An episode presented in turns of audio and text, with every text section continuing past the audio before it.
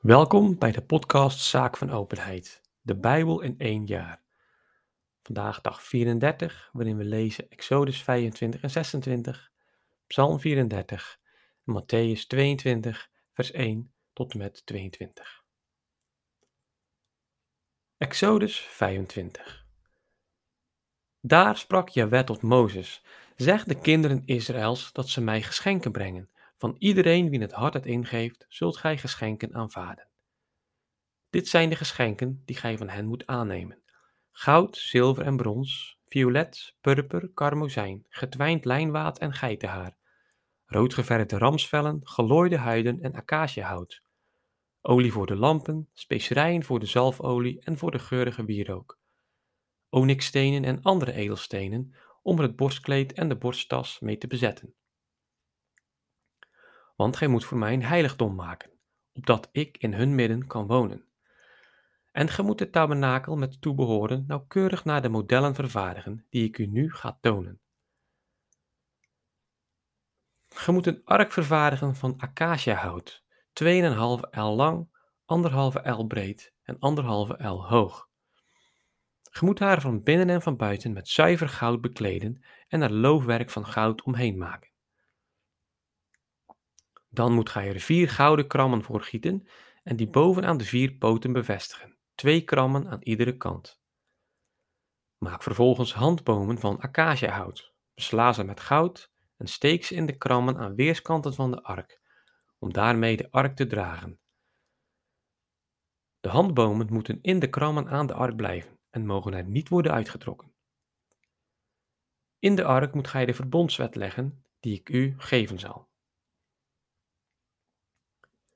Daarna moet gij ook een verzoendeksel maken van zuiver goud, 2,5 el lang en 1,5 el breed.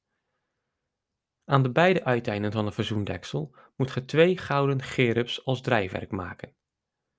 Sla een gerub uit aan het ene einde en een gerub aan het andere einde. Dus in het verzoendeksel zelf moet ge aan beide uiteinden de gerubs uitslaan. De gerubs moeten hun vleugels omhoog spreiden en met hun vleugels het verzoendeksel overspannen. Ze moeten tegenover elkander staan, terwijl hun gezichten naar het verzoendeksel gericht moeten zijn.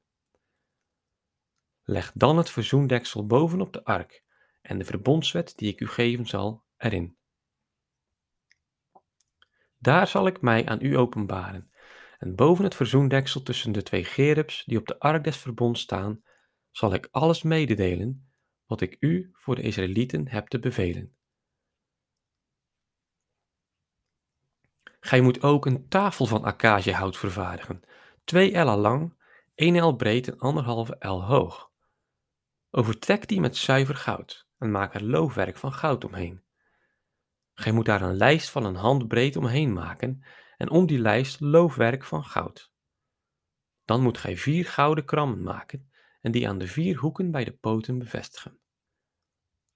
Breng die krammen voor de handbomen van de tafel vlak bij de lijst aan. De handbomen moet gij van acaciahout maken en met goud beslaan. Daarmee moet de tafel worden gedragen. Bovendien moet gij nog de nodige schotels, kannen, bekers en schalen vervaardigen voor het uitgieten van de plengoffers. Gij moet ze maken van zuiver goud. Ook moet ge ervoor zorgen dat er op de tafel voortdurend toonbroden voor mij liggen. Vervolgens moet gij een kandelaar maken van zuiver goud. De kandelaar moet drijfwerk zijn. Zijn voetstuk en schacht zijn bloemkelken, knoppen en bloesems uit één stuk. Zes armen moeten terzijde uitsteken. Drie armen aan de ene kant van de kandelaar en drie armen aan de andere kant. Aan iedere arm moeten drie bloemkelken zitten in de vorm van amandelbloesem, knoppen en bloesems. Dus aan de zes armen die uit de kandelaar steken op dezelfde manier. Maar aan de kandelaar zelf moeten vier bloemkelken zitten in de vorm van amandelbloesem, knoppen en bloesems. Telkens moet één knop onder elk van de drie paar armen zitten, waar de zes armen uit de kandelaar schieten. De knoppen en armen moeten met de kandelaar zelf uit één stuk zijn. Het geheel één stuk drijfwerk van zuiver goud. Bovendien moet ge de zeven lampen maken die erbij horen, en deze er zo bovenop plaatsen dat het licht naar de voorzijde valt. Ook de snuiters en bakjes moeten van zuiver goud zijn. Eén talent zuiver goud moet men gebruiken voor de kandelaar en voor alles wat erbij hoort. Zorg ervoor dat gij het vervaardigt naar de modellen die u op de berg zijn getoond. Exodus 26 Daarna moet gij de tabernakel vervaardigen uit tien banen van getwijnd lijnwaad, van violet, purper en karmozijn, met gerubs versierd.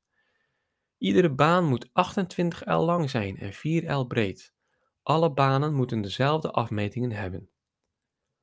Vijf aan vijf moeten de banen aan elkander worden gehecht.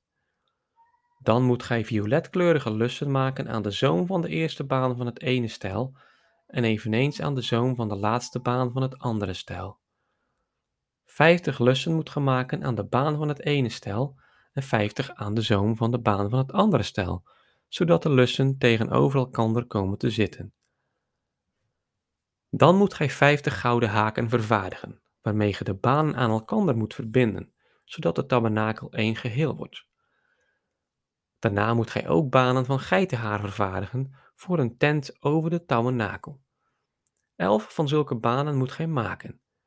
Elke baan moet 30 L lang en 4 L breed zijn, alle elf dus van dezelfde afmetingen. Vijf van die banen moet ge afzonderlijk aan elkaar hechten en eveneens de zes andere afzonderlijk. De zesde baan moet gij aan de voorzijde van de tent omslaan. Dan moet gij 50 lussen maken aan de zoom van de eerste baan van het ene stel en 50 lussen aan de zoom van de laatste baan van het andere stel. Vervolgens moet ge 50 bronzen haken maken en daarmee de lussen vasthechten om de tent zo samen te voegen dat ze één geheel wordt. Het gedeelte van de tentbanen dat in de breedte nog overschiet, moet ge voor de helft over de achterkant van de tabernakel laten afhangen terwijl de L die aan de weerszijden van de tentbanen in de lengte overblijft, aan beide kanten van de tabernakel moet afhangen om die te bedekken. Over deze tent moet gij weer een dek maken van rood geverfde ramsvellen en daaroverheen nog een dekkleed van gelooide huiden. Vervolgens moet gij voor de tabernakel rechtopstaande schotten maken van acaciahout. Ieder schot moet 10 L hoog en anderhalve L breed zijn. Onder ieder schot moeten twee pennen recht naast elkaar worden aangebracht. Zo moet ge met alle schotten van de tabernakel doen. Voor de zuidkant van de tabernakel moet ge 20 schotten maken en onder die 20 schotten 40 zilveren voetstukken, zodat er zich telkens twee onder ieder schot bevinden voor de beide pennen. Voor de andere wand van de tabernakel, dus aan de noordkant, eveneens 20 schotten met hun veertig zilveren voetstukken, telkens twee onder ieder schot. Voor de achterkant van het tabernakel, dus in het westen, moet ge zes schotten maken.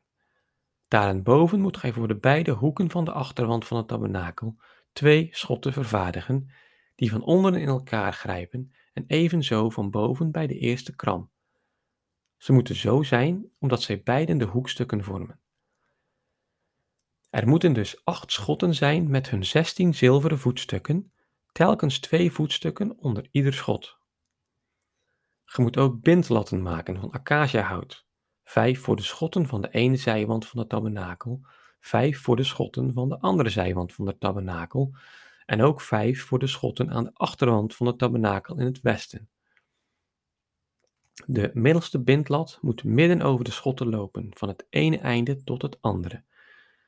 De schotten moet ge met goud bekleden, de krammen waarin de bindlatten rusten van goud vervaardigen, de bindlatten zelf weer met goud overtrekken.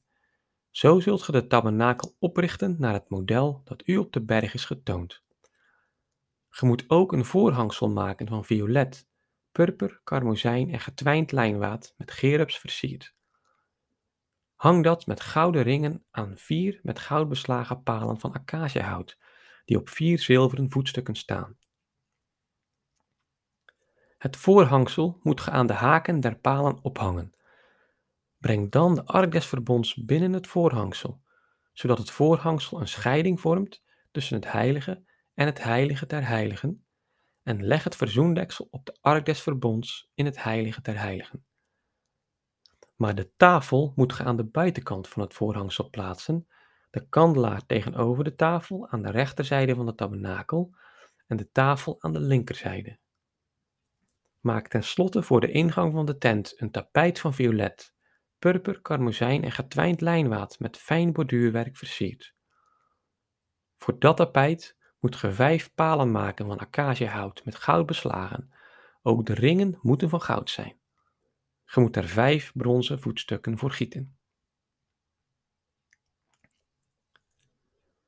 Psalm 34 Van David, toen hij zich voor Abimee als een krankzinnige had aangesteld, door hem was weggejaagd en was heengegaan. Altijd wil ik Jahweh prijzen, steeds trilt zijn lofzang in mijn mond. Mijn ziel zal roemen in Jahweh, bedrukten zullen het horen en juichen.